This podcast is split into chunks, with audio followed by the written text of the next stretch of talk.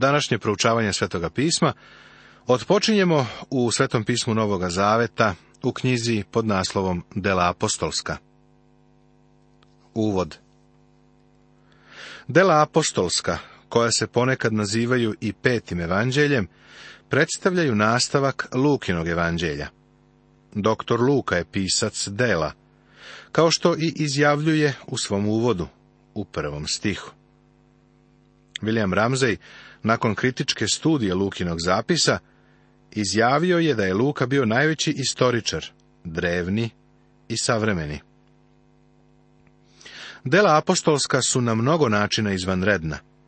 Ona su most između evanđelja i poslanica.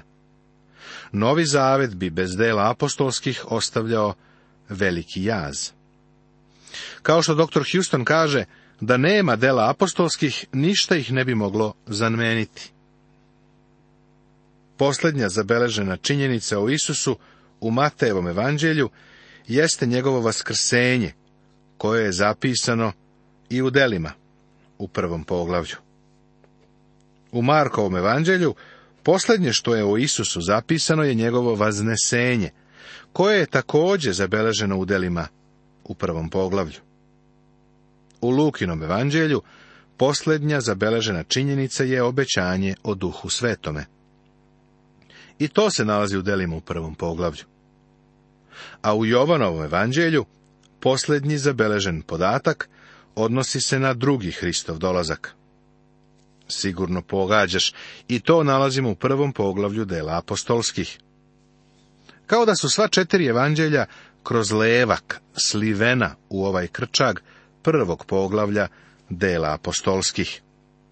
Također, veliko misijsko poslanje koje se pojavljuje u sva četiri evanđelja potvrđeno je u delima.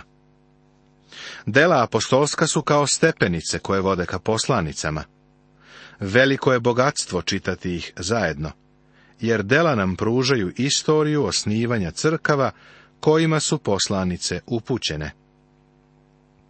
Knjiga dela apostolskih beleži početak crkve, njeno rođenje. Knjiga postanka, prva Mojsijeva, beleži poreklu duhovnog tela, koje mi nazivamo crkvom. Temu ili ključ dela apostolskih nalazimo u njenom prvom poglavlju, osmi stih.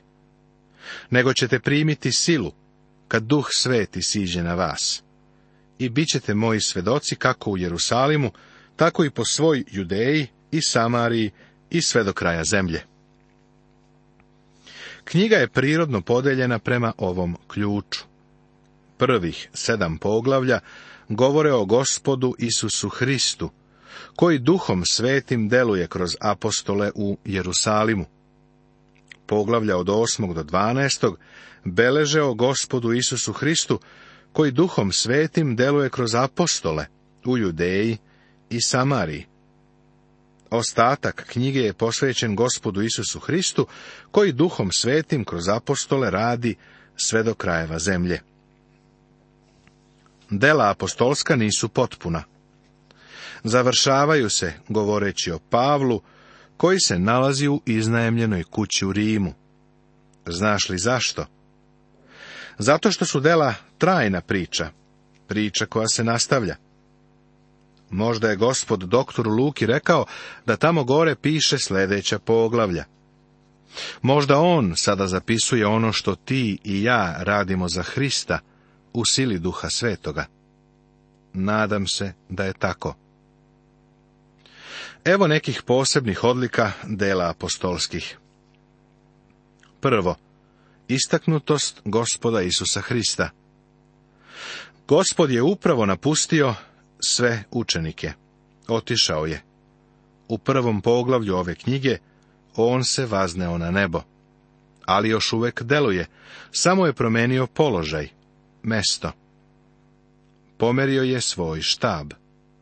Sve dok je bio ovde na zemlji, njegov štab je bio u Kafarnaumu. Sada je njegov štab s desne strane Oca Nebeskog. Gospod Isus Hristos je istaknut u ovoj knjizi. On deluje sa silnih nebeskih visina. 2. Istaknutost Svetoga Duha Hristos je obećao da će poslati Svetoga Duha. Ovo obećanje se četiri puta spominje u Jovanovom evanđelju. U Jovanu 1.33, 7.37 do 39, 14, 16 i 17, i 20. poglavlje stih 22. Isto obećanje je dato i u delima. Dela 1.8. Ti i ja živimo u dobu Svetoga Duha. Velika istina ovog doba jeste da Duh Sveti prebiva u vernicima. 3. Sila crkve U crkvi postoji sila, a to je naravno delovanje Svetoga Duha. Sila koja se pokazala u prvoj crkvi ne manifestuje se u današnjim crkvama. Zašto? Zato što je prva crkva delovala na visokom duhovnom nivou, koji se nikada više ni u jednom dobu nije dostigao. Međutim, Sveti duh deluje kroz vernika u bilo kojoj službi, koja donosi čast i slavu gospodu Isusu Hristu. 4. Istaknutost crkve, vidljive i nevidljive. Crkva je nova institucija. Nastala je u delima apostolskim. 5. Istaknutost mesta. Knjiga započinje u Jerusalimu, a završava se u Rimu. Sir William Ramsey je proveravao sva mesta koje je doktor Luka spomenuo i otkrio da su tačna. 6. Istaknutost osoba Doktor Luka spominje 110 ljudi po imenu, pored toga što spominje mnoštva i gomile. Verujem da je do kraja prvog veka u svetu bilo više miliona hrišćana. Za tih prvih 200 ili 300 godina crkva je zabeležila izvanredan rast. Danas je taj rast usporen, baš kao što je gospod rekao da će biti. Sedam. Istaknutost vaskrsenja Vaskrsenje je centralna tema u propovedanju evanđelja. U današnjim crkvama jednom godišnje imamo vaskršnje bogosluženje. Kao pastir mnogo sam puta u avgustu isticao vaskrsenje. A ljudi bi dolazili da vide šta se dešava sa propovednikom. Mislili su da imam groznicu.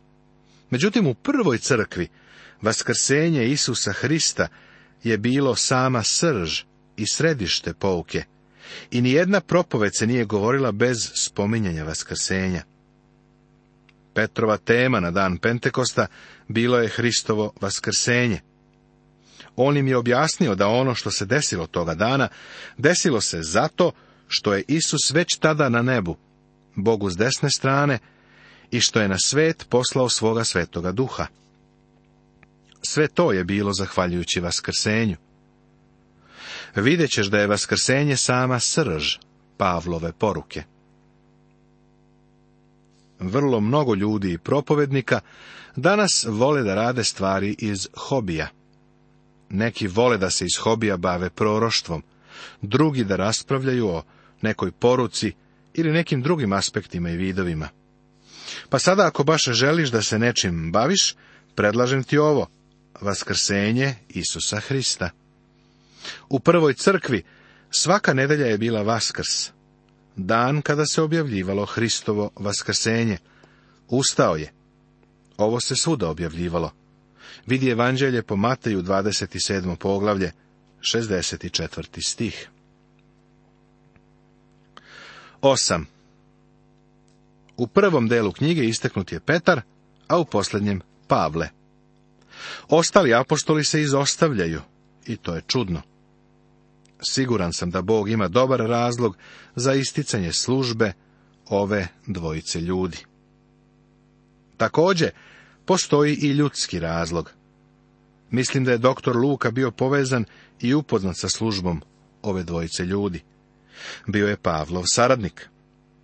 Neki ljudi zastupaju ideju da je između Pavla i Petra vladalo neslaganje. Iskreno govoreći, mišljenja sam da su se doktor Luka, Petar i Pavle mnogo puta sastajali i razgovarali. Pravi naziv za ovu istorijsku knjigu uvek je predstavljao problem.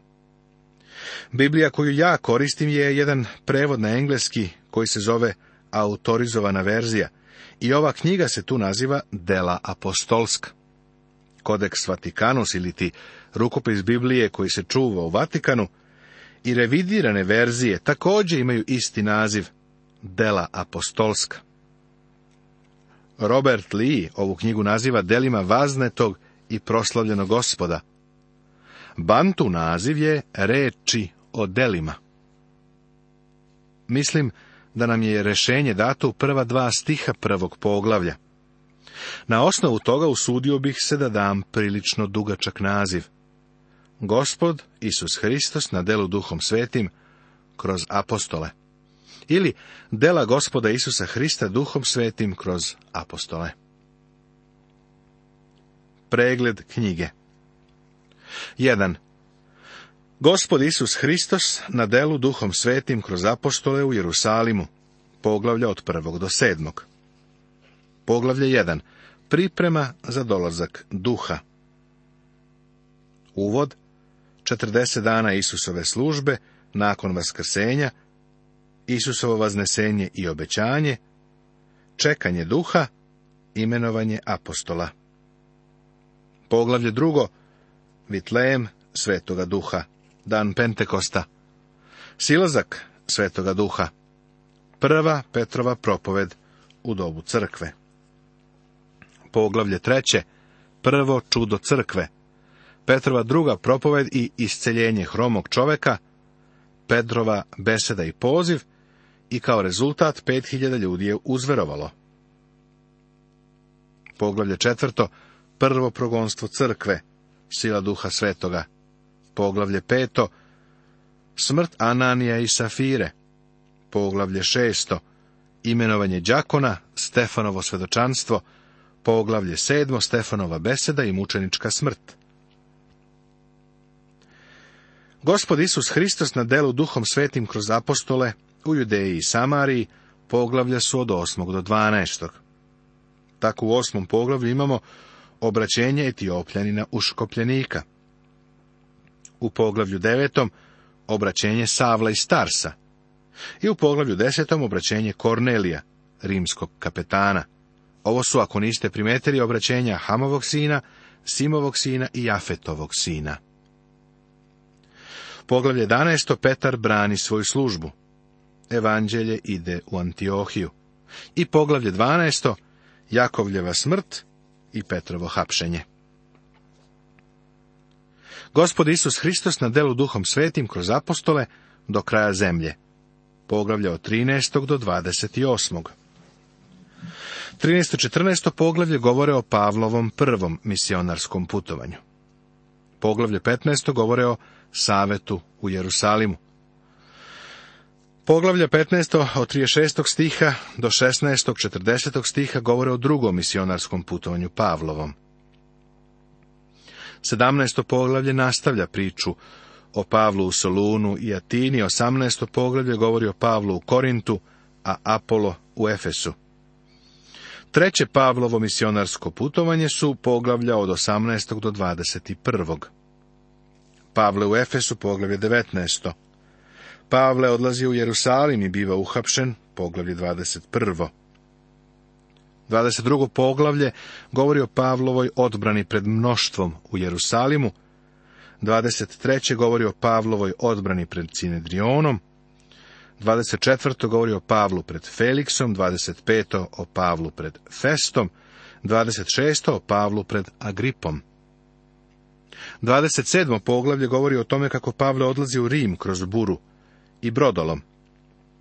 I 28.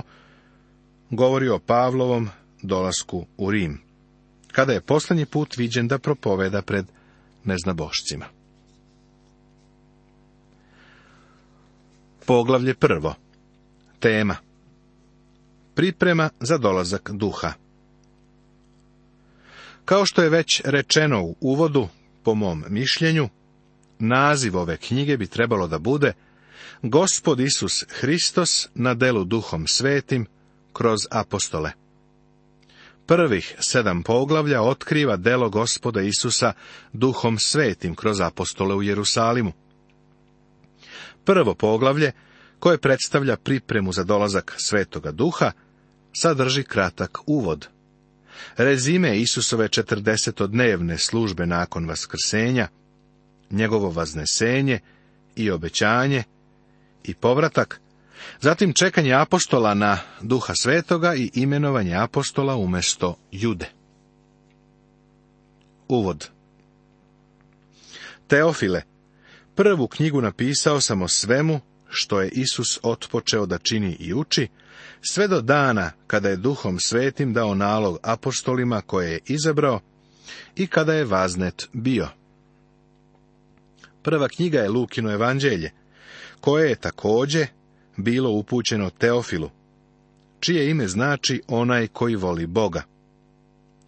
Potpuno odbacujem ideju da je označen kao bilo koji čovek koji voli Boga. Luka je očigledno poznavao čoveka po imenu Teofil, a ime mu je izvesno bilo odgovarajuće onaj koji Boga voli. Lukino evanđelje je bilo sve što je Isus otpočeo da čini i uči, a u delima apostolskim on to nastavlja. Isus i danas to radi. Iako mogu tako da se izrazim, sa svojim programom će nastaviti, sve dok one koji mu pripadaju ne uzme sa zemlje. Sve do dana kada je duhom svetim dao nalog apostolima koje je izabrao i kada je vaznet bio.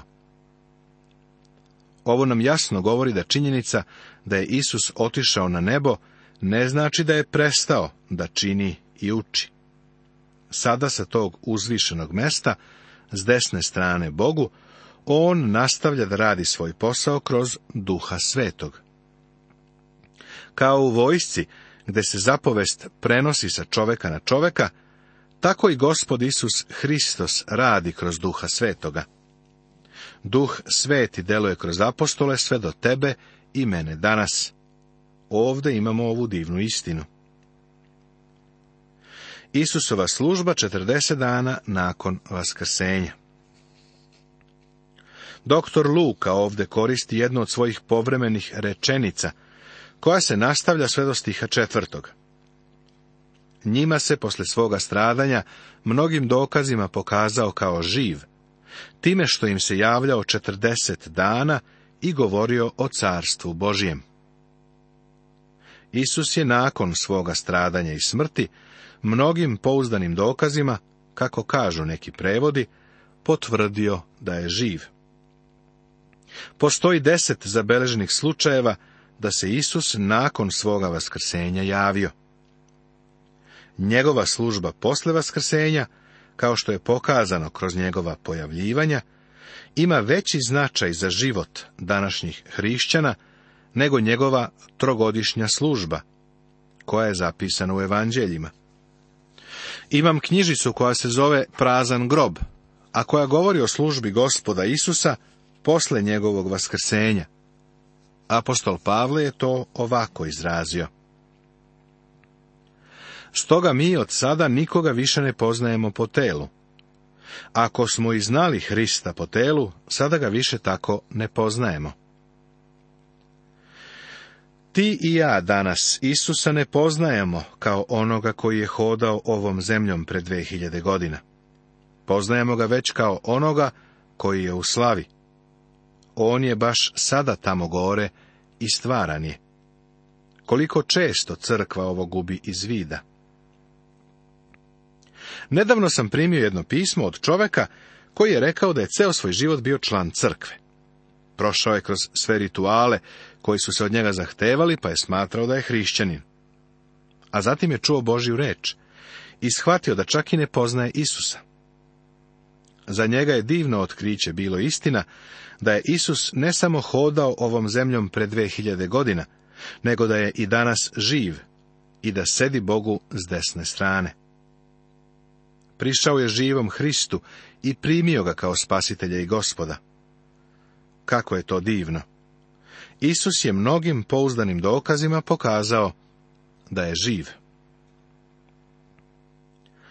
Današnji nevernici nemaju problem sa činjenicama, nego sa njihovom neverom. Činjenice i dokazi su im dostupni. Pitam se da li iko sumnja u to da je bitka kod Vaterloa historijski događaj. Iskreno da kažem, verujem da je Napoleon živeo, verujem da se borio u bici kod Vaterloa, ali za to imam vrlo malo dokaza. U stvari, zanimljivo je da imamo deset hiljada više dokaza o smrti i vaskrsenju gospoda Isusa Hrista nego o bici kod Vaterloa, pa ipak, danas ima ljudi koji kažu da u to ne veruju. U čemu je problem? Problem je u srcu, u srcu koje ne veruje. Čovek danas okreće Bogu leđa. Ako si nevernik, problem je u tebi. Problem nije u Božjoj reči. Isus je mnogim pouzdanim dokazima pokazao da je živ. Možeš znati da li stvarno želiš da znaš. Problem je u tome da ti ne želiš da znaš. Problem nije u umu, nego u volji. Nastavit će se.